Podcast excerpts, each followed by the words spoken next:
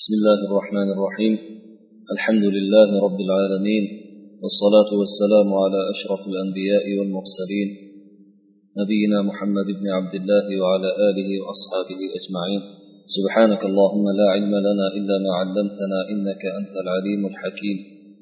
اللهم علمنا ما ينفعنا وانفعنا بما علمتنا وزدنا علما وعملا يا رب العالمين. آمين bugungi suhbatimizda muallif rahmatullohi alayhi rasululloh sollallohu alayhi vasallamning da'vat yo'llarida u kishini payg'ambarlik davomida dastlabki payg'ambarlik yillarida kishiga kelgan mushriklar tomonidan kelgan imtihonlar ularning sarkashliklari turli mo'jizalarni talab qilishlari rasululloh sollallohu alayhi vasallam keltirgan yo'ldan ularni ularning kulishlari masxara qilishlari butun islom dini ustidan masxara qilishlari sabablari uning hikmatlari nima uchun alloh subhanahu va taoloning hikmati ana shu tariqada bo'lganligi haqida ba'zi naqllarni keltiradi. Birgalikda ushbu naqllarni o'qib chiqib o'tamiz. U kishi dastlab uzun o'sha mashhur al javobu sahih liman baddala din al masih masih alayhissalomning dinini o'zgartirganlar uchun to'g'ri javob degan mashhur kitob muallifi abul abbos ahmad ibn abdul halim ibn abdusalom ibn taymiya keltirgan aqliy va naqliy dalillar haqida o'sha u kishini o'sha kitobidan naqllar qiladi mana shu naqllarni bugungi suhbatda o'qib tarjima qilib o'tamiz agar bu naqllar uzun bo'lganligi uchun keyingi suhbatga ham qolsa keyingi suhbatda ham tarjimani davom ettiramiz muallif shunday deydi faslun قال الشيخ أبو العباس ابن تيمية رحمه الله في كتاب الرد على النصارى في تقرير نبوة محمد صلى الله عليه وسلم بالأدلة العقلية والنقلية شيخ أبو العباس أحمد بن عبد الحليم o'zining rad ala nasora nasroniylarga rad kitobida ya'ni o'sha yuqorida boya aytib o'tilgan. Masih alayhissalom dinini o'zgartirganlarga to'g'ri javob degan nomli kitobida oltinchi mujallad oltinchi jild to'rt yuz yigirma to'qqizinchi betdan boshlanadi. To to'rt yuz ellik birinchi betgacha bu kishi naql qilibdi. O'sha muxtasar holda naql qilgan albatta. O'sha kitobida bu kishi rasululloh sollallohu alayhi vasallamning payg'ambarliklarini aqliy hamda naqliy dalillar bilan isbot etishda borasida gapirar ekan shunday ومما ينبغي أن يعلم أن الله تعالى إذا أرسل نبيا وأتى بآية دالة على صدقه قامت بها الحجة وظهرت بها المحجة shu narsa ma'lum bo'lishi lozimki alloh subhanahu va taolo biror bir payg'ambar jo'natadigan bo'lsa hamda u payg'ambarning sodiqligiga rostgo'y olib kelgan da'vati to'g'ri ekanligiga dalolat qiluvchi bir mo'jizani keltiradigan bo'lsa o'sha mo'jiza orqali hujjat qoyim bo'lib bu bilan yo'l ochiq oydin ko'rinib isbotlanib bo'ladi.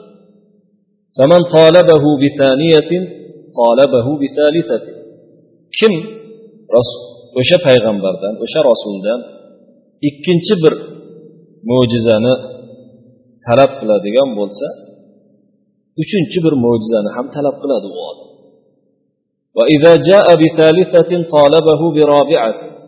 Uchinchi mo'jizani keltiradigan bo'lsa sarkashlar to'rtinchi mo'jizani talab qilishga o'tadi. sarkashlik qilib bo'ysunmay dalilga unamaydiganlarning mo'jizalarga ko'nmaydiganlarni talabi esa chegarasiz ular qanchalik mo'jiza keltirmasin payg'ambarlar yana mo'jiza so'rayverishadi ومعلوم أنه من قامت عليه حجة في مسألة علم أو حق من حقوق العباد التي يتخاصمون فيها وقال أنا لا أقبل حتى تقوم عليه حجة ثانية وثالثة كان ظالما متعديا ولا يمكن الحكام الخصوم من ذلك معلوم كي bir odamga bir ilmiy masalada yoki bir alloh subhanahu va taoloni bandalarini huquqlaridan birida bir kishini ustidan hujjat qoyim bo'lsa ya'ni bir narsada ular husumat qilishayaptilaru. Ikkita banda bir biri bilan husumat qilishayotganda o'shalarni birini ustida hujjat qoyim bo'lib noto'g'ri ekanligi unga isbotlanilsa bu haq seni bo'yningda emas ekan falonchini bo'ynida ekan mana shu uni haqqi bor ekan senda deb bir isbot keltiriladigan bo'lsada keyin bu odam yo menga ikkinchi bir hujjat kerak ikkinchi bir isbot kerak uchinchi bir isbot kerak deb qabul qilmasdan davom etadigan bo'lsa bunday odam zolim tajovuzkor hisoblanadi. O'sha hukmdorlar hokimlik qilayotgan qozilar husumatgo'ylarni husumatchilarni o'z huzurlariga kelgan husumatchilarni bunday qilishga yo'l qo'yishmaydi. Bitta dalil bilan hujjat qoyim bo'ladigan bo'lsa ya'ni bir masalada ikkita kishi tortishib kelganda aniq ochiq oydin bitta hujjat keltiriladigan bo'lsa o'shaning o'zi kifoya hisoblanadi فحق الله الذي أوجب على العباد الإيمان به من توحيده والإيمان به وبرسله أولى endi shunday bo'lgandan keyin bandalarga iymon keltirishni vojib qilib qo'ygan alloh subhanahu va taoloni haqqi bo'lmish uning tavhidi alloh subhanahu va taologa iymon keltirish payg'ambarlarga iymon keltirish huquqi bu odamlarni huquqidan ko'ra avloroq va إذا قامت بينة توجب على الخلق الإيمان برسله لا يجب إجابة الطالب إلى ثانية وثالثة demak xalqlar ustida payg'ambarlarga iymon keltirishni vojib qiladigan iymon keltirishga majbur qiladigan iymon keltirishni taqozo qiladigan hujjatlar dalillar qoyim bo'ladigan bo'lsa talab qiluvchining ikkinchi dalilga uchinchi dalilga qarab turib ketishi o'sha odamning talab qiluvchi talabgorning ikkinchi dalilni talab qilayotgan talabgorning uchinchi dalilni talab qilayotgan talabgorning gapiga quloq solish kerak bo'lmaydi chunki bitta bilan o'zi hujjat qoyim bo'lib bo'ldi lekin ثم قد يكون في تتابع الآيات حكمة فيتابع سبحانه بين الآيات lekin alloh subhanahu va taolo shunday bo'lsada turli xil hujjatlarni qoyim qildi turli xil oyatlarni mo'jizalarni keltirdi. Shuning uchun deyaptilar bu kishi oyatlarning hujjatlarning mo'jizalarning ketma ket kelishida yana bir hikmat bo'lishi mumkin. Alloh subhanahu va taolo bunday mo'jizalarni ketma ket keltiradi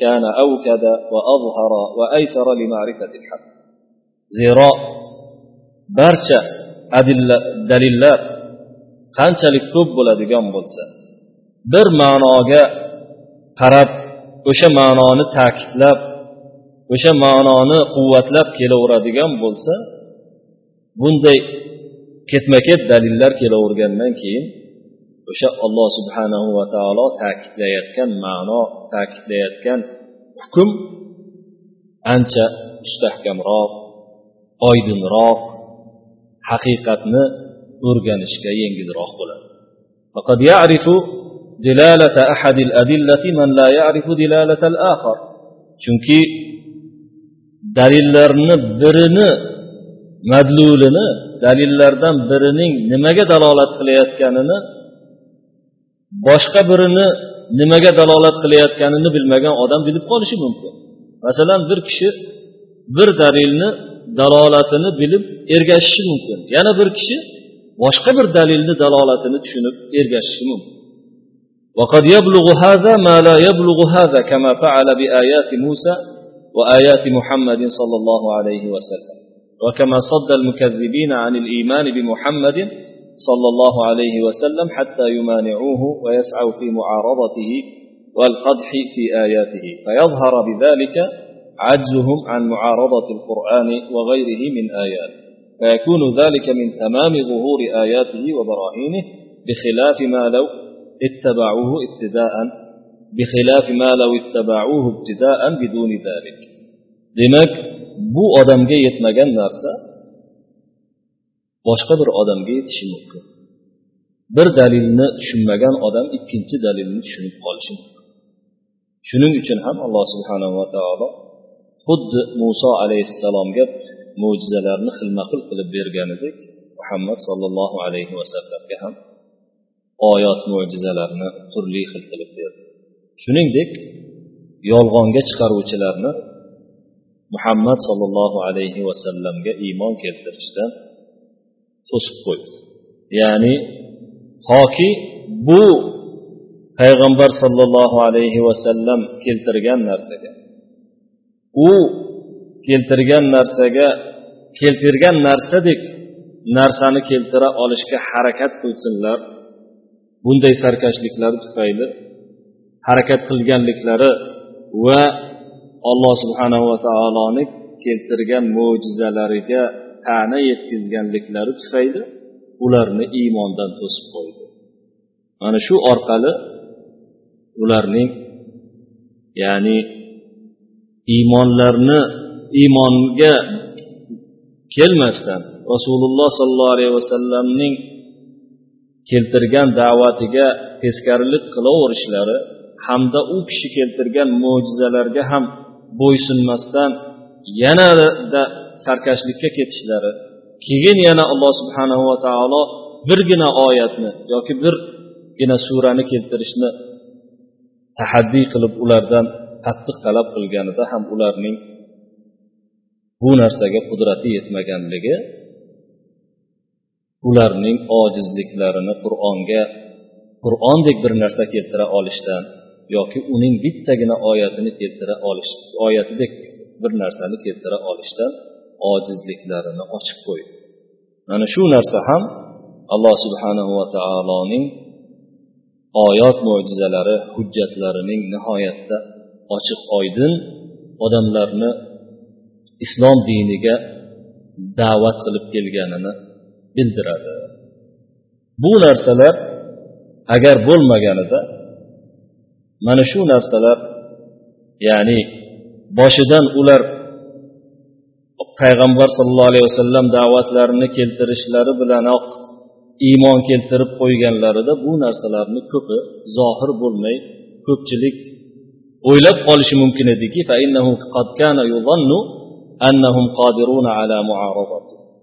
dabdurustdan ular payg'ambar sollallohu alayhi vasallam da'vatlari kelishi bilan qur'onni keltirishlari bilan ular hammalari iymonga kelishganida ba'zilar gumon chiqarib yuborishi mumkin edi o'ylanib qolishi mumkin ediki ha buni ham keltirishni imkoni bo'lishi mumkin ediyu. Ular nihoyatda fasohatga boy odam edilar.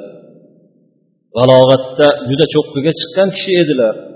Qur'ondek narsalarni keltirishi mumkin ediyu degan gumonga borib qolinishi mumkin ham edi. Shuning uchun ham alloh subhanava taoloni hikmatlaridan biri mana shunday ular sarkashlik bilan davom etdilar وكذلك أيضا يكون في ذلك على نفسه من صبره وجهاده على يقين من أمره فإن في صبرهم وجهادهم ما ينالون به عظيم الدرجات في الدنيا والآخرة shuningdek hikmatlardan yana biri o'z rasululloh sollallohu alayhi vasallamni o'z nafsiga qanchalik mujohada qilishlari tirishqoqlik qilishlari qanchalik sabrga ega ekanliklari hamda qanchalik o'zlarini ishlarini ustida mustahkam iymonga ega ekanliklarini ham ko'rsatib qo'ydi chunki bunday sarkashlar ustidan sabr qilish ularga qarata jihod qilish bilan dunyo va oxiratda juda katta darajalarni olib ketadilar وقد تقتضي الحكمة أن لا يرسل بالآيات التي توجب عذاب الاستئصال كما ذكره الله تعالى في كتابه. من أن الكفار كانوا يقترحون على الأنبياء آيات غير الآيات التي جاءوا بها فتارة يجيبهم الله إلى ذلك لما فيه من الحكمة والمصلحة وتارة لا يجيبهم لما فيه في ذلك من المضرة والمفسد shuningdek hikmat yana shuni ham taqozo qilishi mumkinki alloh subhanahu va taolo tagidan qo'porib yuborib yuboradigan butunlay yo'q qilib yuboradigan azobni taqozo qiluvchi mo'jizalarni yubormaslik ham alloh subhanahu va taoloning hikmatlaridandir bu narsani alloh subhanahu va taolo o'zini kitobida aytib o'tgan. Shunday deb aytib o'tganki ilgargi kofirlar payg'ambarlarga ular keltirgan mo'jizalardan boshqa mo'jizalarni talab qilib chiqishar edi. Shunda alloh subhanahu va taolo bu mo'jizalarni olloh payg'ambarlar qo'lida joriy qilar edi. O'zi o'sha mo'jizalar bu joriy qilishda hikmat va manfaat bo'lganligi tufayli gohida esa bu narsalarni joriy qilmas edi.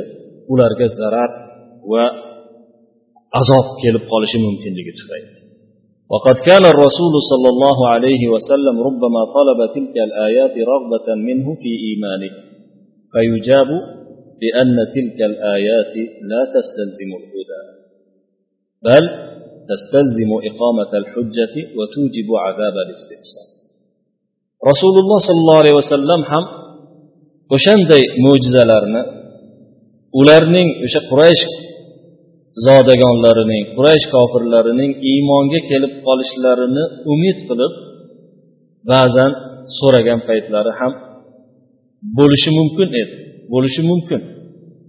Shuning uchun ham u zotga bunday mo'jizalar hidoyatni taqozo qilmaydi. Ya'ni bunday mo'jizalar kelishi bilan qavmingiz hidoyatga kelib ketishi ehtimoldan uzoq kelib ketishi ketishini taqozo qilmaydi hidoyatga kelishlari bunday mo'jizalar tufayli emas balki bunday mo'jizalar ularning ustidan hujjatni qoyim qilib butunlay yer yuzidan yo'qotib yuborish azobini taqozo qilib qoladi degan javoblar bo'lgan والله, والله تعالى قد يظهر الآيات الكثيرة مع طبعه على قلب الكافر كفرعون وأبي لهب وغيرهما لما في ذلك من الحكمة العظيمة كما دل على ذلك القرآن والتوراة وغيرهما الله تعالى kofirni qalbini muhrlab qo'yishi bilan birga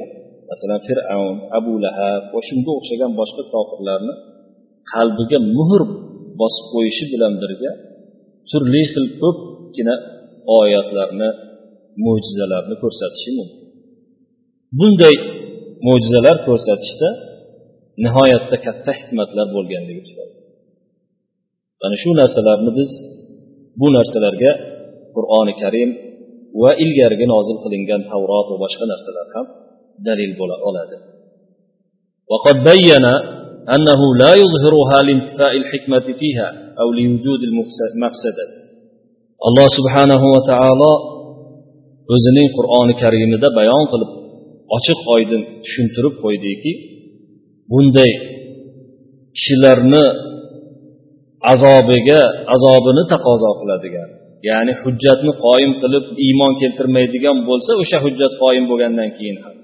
Ularga azob kelishi aniq bo'ladigan mo'jizalarni bundagi hikmat bo'lmaganligi yoki bunda foydadan ko'ra zarar ko'proq bo'lganligi uchun bunday hujjatlarni olib kelmasligini bayon qildi alloh taolo anom surasida shunday deydi qola taala وأقسموا بالله جهد أيمانهم لئن جاءتهم آية ليؤمنن بها قل إنما الآيات عند الله وما يشعرهم أنها إذا جاءت لا يؤمنون ular quraysh kofirlari ollohni o'rtaga qo'yib qasam ichishdiki nihoyatda iymonlarini boricha e, E, qasamlarini nihoyatda qattiq qilishib qasam xo'rlik bilan nihoyatda qattiq qasam ichishdi.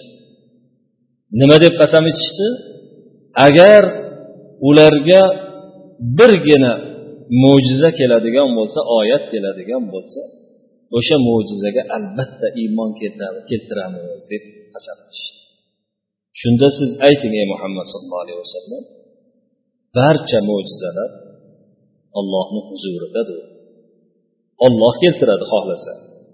Lekin sizlarga bunday qat'iyatni nima sezdirib qo'ydiki?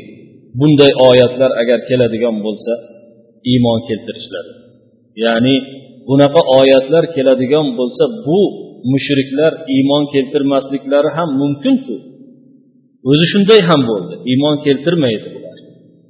Ya'ni mo'jizalar keladigan bo'lsalar bo'lsalar bo'lsada bular iymon keltirmaydi yana bir oyatda وما منعنا أن نرسل بالآيات إلا أن كذب بها الأولون bizni mo'jizalarni jo'natishdan faqatgina ilgargi kishilarning bunday mo'jizalarni yolg'onga chiqarganliklari to'sib turdi وبين سبحانه أنه ما منعه أن يرسل بالآيات إلا تكذيب الأولين بها الذين استحقوا به الهلاك فإذا كذب هؤلاء استحقوا ما استحقه أولئك من عذاب الاستئصال الله سبحانه وتعالى بيان قلديكي tushuntirdiki mo'jizalarni keltirishdan to'sib qo'ygan narsa ilgargilarning o'sha mo'jizalarini yolg'onga chiqarishi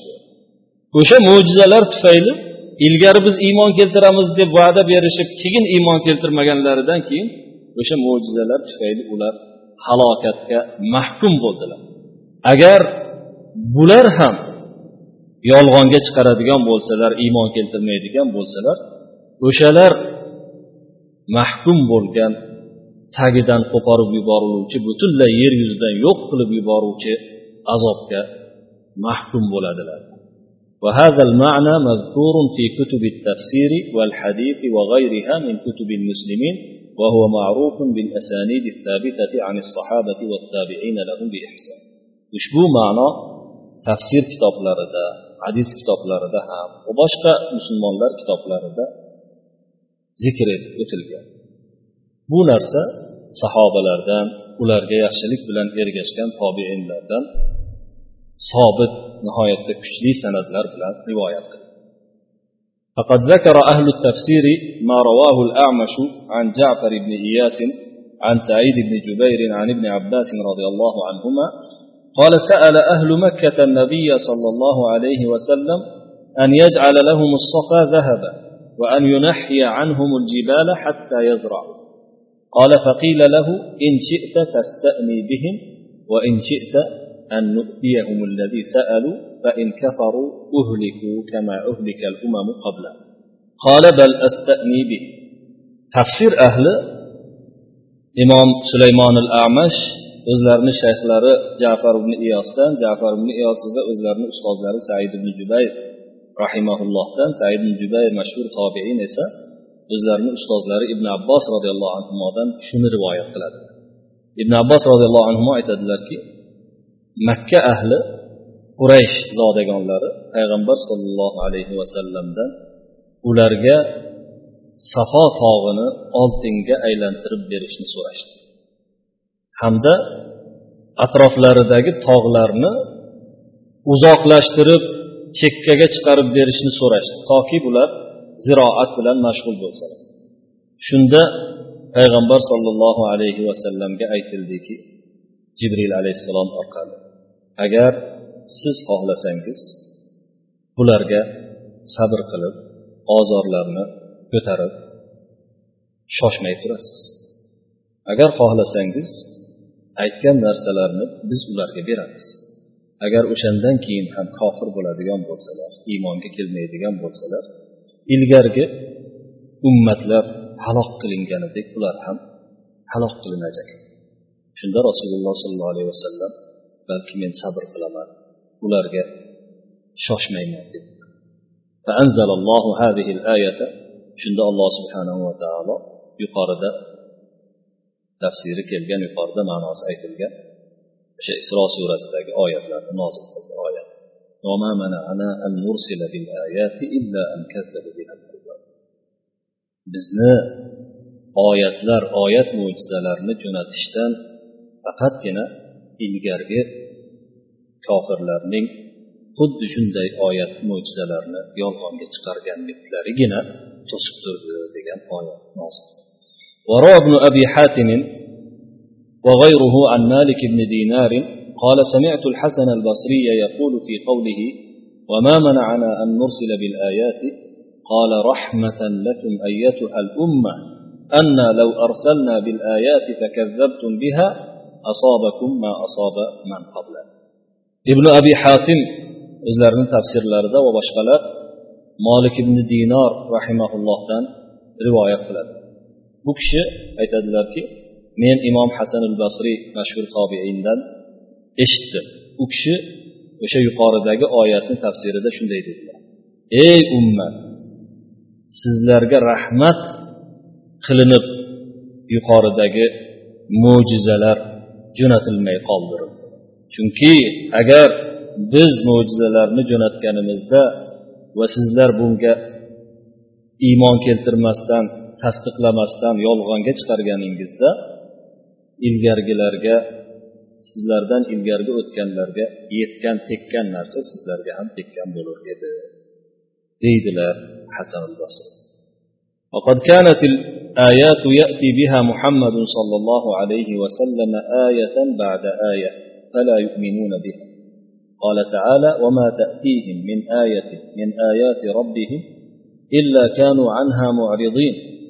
فقد كذبوا بالحق لما جاء إلى قوله ولو نزلنا عليك كتابا في قرطاس فلمسوه بأيديهم لقال الذين كفروا إن هذا إلا سحر مبين. إلى قوله انظر انظروا كيف كان عاقبة المكذب mo'jizalarni payg'ambar sollallohu alayhi vasallam muhammad sollallohu alayhi va alihi vasallam birma bir alloh subhanahu va taoloni izni bilan keltirar edi shunda ular iymon keltirmas edilar hech birontasiga iymon keltirmadi alloh taolo shunday ularga parvardigorlari tomonidan oyatlari parvardigorini oyatlaridan oyat mo'jizalaridan biron bir oyat mo'jiza keladigan bo'lsa ular undan yuz o'girdilar ana shunday ular haqiqatni yolg'onga chiqardilar kelgan vaqtda deydi.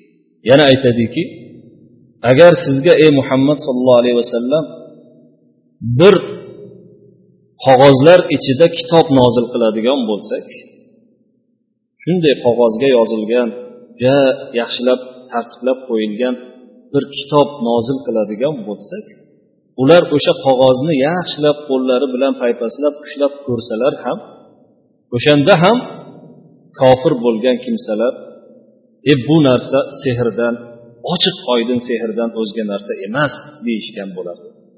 Deydi alloh subhana keyin bu kofirlarning sarkashliklarini aytishda davom etib to oxirgi o'n birinchi oyatga kelganda alloh subhanava taolo aytadiki oxirida oyatni oxirida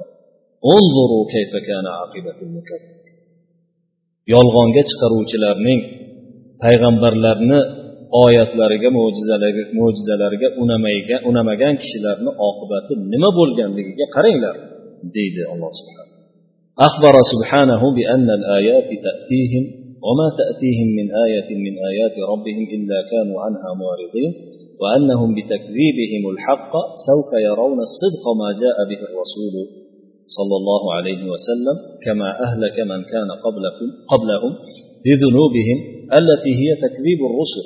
فإن الله يقول وما كان ربك مهلك القرى حتى يبعث في أمها رسولا يتلو عليهم آياتنا. alloh subhanahu va taolo demak yuqorigi oyatlarda xabar beryaptiki ularga mo'jizalar kelar edi. Lekin ular o'z robbilari tomonidan kelgan mo'jizalarni birontasiga iymon keltirmasdan balki yuz o'girar edi. Ular haqiqatni yolg'onga chiqarishlari bilan payg'ambar keltirgan narsaning to'g'ri ekanligini ko'radilar. Mana o'zlaridan ilgarigi o'tgan kishilar o'zlarini gunohlari tufayli halok ettirildilar. gunohlari nimadan iborat edi payg'ambarlarni yolg'onga chiqarishdan iborat chunki alloh subhanahu va taolo aytadiki وما كان ربك مهلك القرى حتى يبعث في أمها رسولا يتلو عليهم آيات الله سبحانه وتعالى mamlakatlarni halokat qiluvchi rabbingiz mamlakatlarni halokat qiluvchi zot emas halokatga yetaklovchi halok qiluvchi zot emas Toki o'sha mamlakat ichida mamlakat o'rtasida ularga bizning oyatlarimizni tilovat qilib beradigan bizning mo'jizalarimizni ularga ko'rsatadigan payg'ambar yubormaguncha mamlakatlarni halok qiluvchi emas deydi. Ya'ni payg'ambarlarni yuborar ekan ularga iymon keltirmagandan keyin ular halokatga mahkum. وأخبر بشدة كفرهم بأنه لو أنزل علي لو أنزل عليهم كتابا في قرطاس فلمسوه بأيديهم لقال الذين كفروا إن هذا إلا سحر مبين. وبين سبحانه أنه لو جعل الرسول ملكا لجعله لو جعل الرسول ملكا لجعله رجل لجعله على صورة الرجل إذ كانوا لا يستطيعون أن يروا الملائكة في صوره. وحينئذ فكان يقع اللبس بظنهم الرسول بشرا لا ملك demak alloh subhanahu va taolo juda qattiq suratda ularning qanchalik kofir bo'lganliklarini xabar berdi shu darajadaki ularga bir kitobni mana shunday qog'ozga solib tushiradigan bo'lsa ham ular o'sha qog'ozni o'zlarini qo'llari bilan paypaslab qog'ozligini haqiqiy suratda ekanligini mana shunday olloh tarafidan tushganligini bilishsa ham kofir bo'lgan kimsalar bu narsa ochiq sehrdan o'zga narsa emas deb xabar berdi. Yana alloh subhanahu va taolo boshqa bir oyatda bayon qildiki agar payg'ambar farishta qilib jo'natilganda ham farishtalardan payg'ambar qilinganda ham inson suratida qilgan bo'lar dedi o'sha farishta.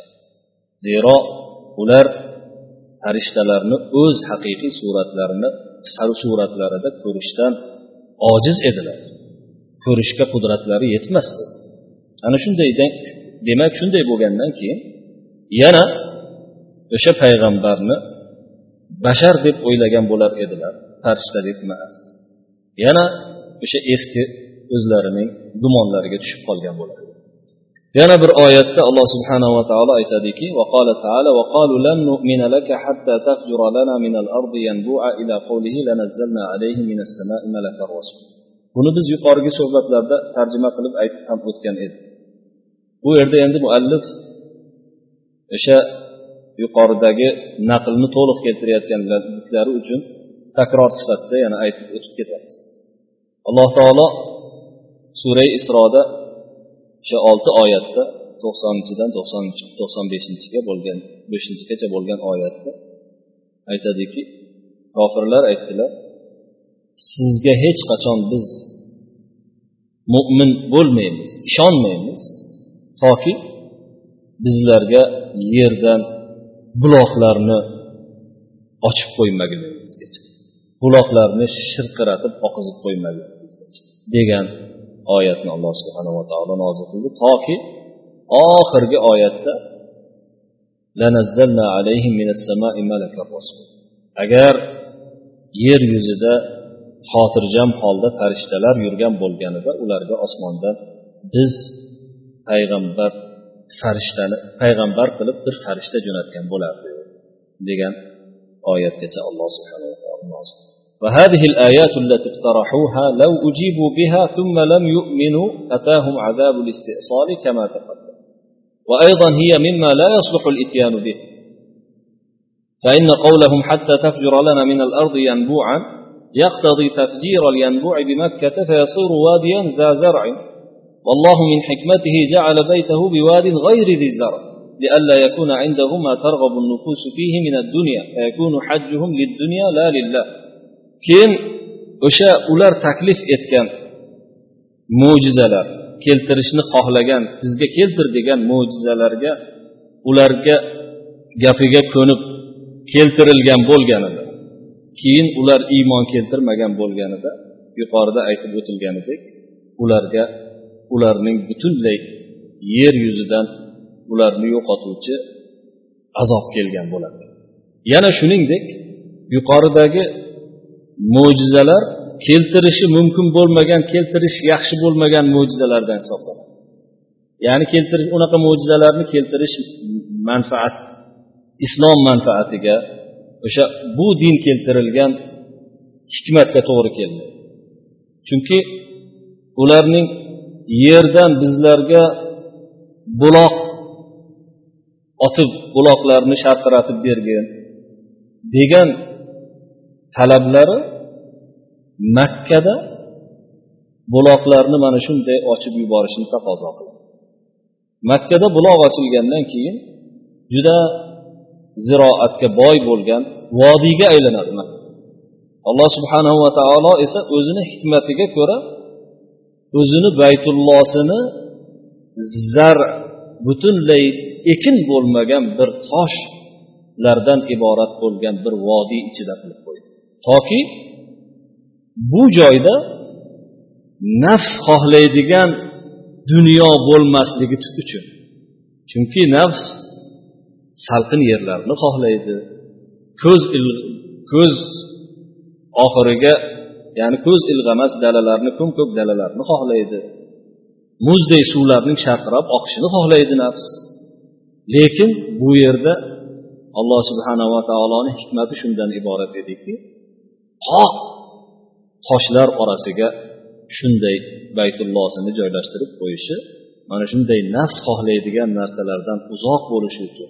Toki odamlar haj qilganda ularning haji olloh uchun bo'lishi uchun dunyo uchun emas olloh uchun bo'lishi uchun shunday qilgan. Edi boyagiday ularning gapiga ko'niladigan bo'lsa ziroatga boy joy qilib qo'yiladigan bo'lsa salqin joylar qilib qo'yiladigan bo'lsa ularni hajji dunyo uchun bo'lib qolishi ham mumkin olloh uchun bo'lmasdan وإذا كان له جنة من نخيل وأعناب يفجر الأنهار خلالها تفجيرا كان في هذا من التوسع من الدنيا ما يقتضي نقص درجته وانخفاض منزلته وكذلك إذا كان له بيت من زخرف والزخرف الذهب endi ularning gapiga kirilib rasululloh sollallohu alayhi vasallamning xurmozorlardan iborat bog'i bo'lsa uzumzorlardan iborat bog'i bo'ladigan bo'lsa. Ularning o'rtasida anhorlarni nihoyatda chiroyli qilib ochtirib qo'yadigan bo'lsalar bu narsalarda u kishini darajasini nuqsonli bo'lishini taqozo qiladigan manzilatlarini pasayishini taqozo qiladigan dunyoga berilish bo'lib qoladi.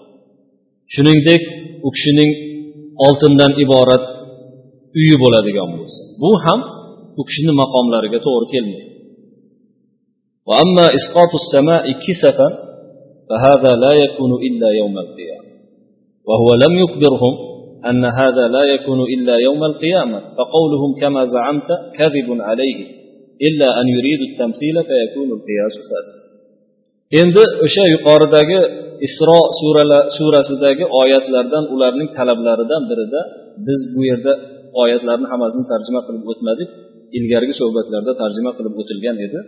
O'shalardan birida ularning osmonni bizga parcha parcha qilib tushirgin degan talablari ham bor. Edi osmonning parcha qilinib tushirilishiga keladigan bo'lsak bu narsa qiyomat kunigina bo'ladigan ish. Rasululloh sollallohu alayhi vasallam ularga faqat qiyomat kuni bo'ladi deb xabar bergan edi. Ularning o'zing davo qilganingdek osmonni tushir bo'lmasa deyishlari rasululloh sollallohu alayhi vasallamni ustiga bo'lgan tuhmat hisoblanadi chunki rasululloh sollallohu alayhi vasallam dunyoda bunaqa narsani olloh qiladi degan emas. Lekin ular bu bilan bir o'xshatishni tashbehni xohlagan bo'lsalar bunaqa tashbeh ham to'g'ri kelmaydi. Tashbeh bunaqa qiyos bunaqa taqqoslash fosil buzuq taqqoslash hisoblanadi. chunki qiyomatda bo'ladigan narsalarni dunyoda bo'ladigan narsalarga taqqoslanmaydi أما الإتيان بالله والملائكة قبيلا فهذا لما سأل قوم موسى ما هو دونه أخذتهم الصاعقة ularning gaplarini ichida takliflarining davolarining ichida yuqoridagi suhbatlarda yana hozir takrorlab o'taman aytib o'tgan edik o'sha isro surasida kelgan takliflarini ichida bizga olloh va farishtalarni shunday ro'paramizga olib kelib qo'ydi degan davoni qilishgan. Mana shunday davolari bunaqa takliflari esa bunga javob shuki muso alayhissalomni qavmi bundan judayam ko'ra bundan ham ko'ra kichkina past bu endi juda katta davo bo'lib ketdi. Ozgina narsani so'rashganda ularni yer yutgan edi. Soiqa bu yerda ularni qattiq ovoz quloqni tom tomdiruvchi azob kelib ular halok bo'lgan ekan alloh taolo aytadiki va iz qultum ya musa lan nu'mina laka hatta nara alloha jahratan eslang ey yod oling ey muhammad sallallohu alayhi vasallam yoki ey ahli kitob ahli. Sizlar musoga qarata shunday degan edingiz. Ey ahli kitoblar yahudiylar. Ey muso biz sizga hech qachon ishonmaymiz iymon keltirmaymiz to alloh taoloni shunday ochiqchasiga ko'rmagunimizcha deyishgan. Shunda sizlarni ya'ni o'sha shu narsalarni sizlarni orangizdan mana shu gaplarni aytganlarni quloqni qomatga keltiradigan bir ovoz halok qildi. O'zlaringiz qarab turgan holatda mana shunday ovoz keldida halok bo'ldinglar deydi alloh subhanava taolo. Ya'ni ollohni biz ko'raylik deyish degan jur'atga borishlari bilan ularga azob kelgan. Ollohni bu yerga farishtalari bilan qo'shib olib kel degan davo esa undan juda katta davo bu narsalarga agar sizlarga alloh subhanava taoloni rahmati bo'lmaganda o'sha yerda azobni olib kelgan bo'lar edi وأما إنزال الكتاب فقال تعالى يسألك أهل الكتاب أن تنزل عليهم كتابا من السماء فقالوا فقد سألوا موسى أكبر من ذلك فقالوا أرنا الله جهرة فأخذتهم الصاعقة بظلمهم kitobni tushirishga keladigan bo'lsak ya'ni shunday osmondan bir o'zimiz o'qiydigan kitob tushirib keltirgan Deb davo qilishdi ular taklif qilishdi. Bunga keladigan bo'lsak alloh subhanava taolo bunga ham javobni aytgan kitob ahli sizdan osmondan bir kitob nozil qilib berishingizni tushirib berishingizni so'rashadi.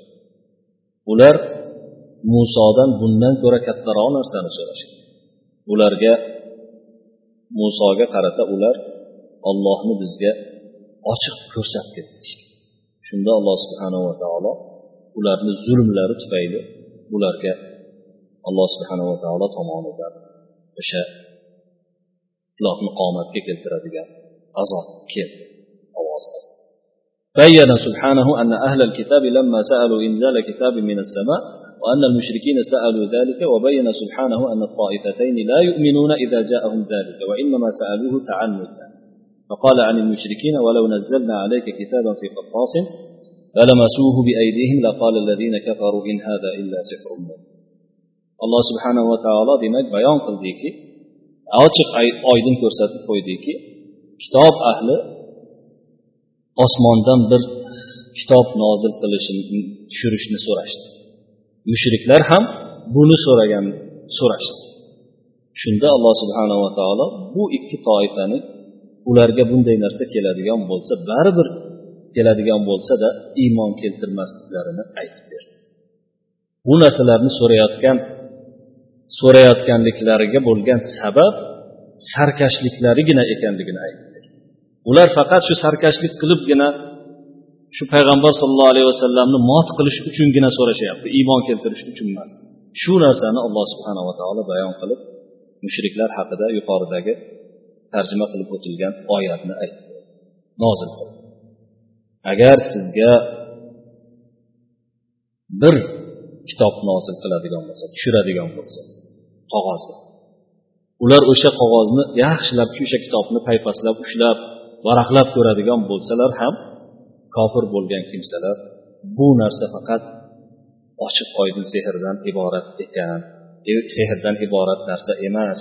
Sehr sehrdangina iborat narsa sehrdan boshqa narsa emas degan bo'lar edilar deydi alloh muallifning boshqa naqllarini keyingi suhbatlarda davom ettirish umidida hozir suhbatimizga yakun yasaymiz. Va sallallohu vasallam va baraka ala nabiyina muhammad va ala alihi va ashabihi ajmain.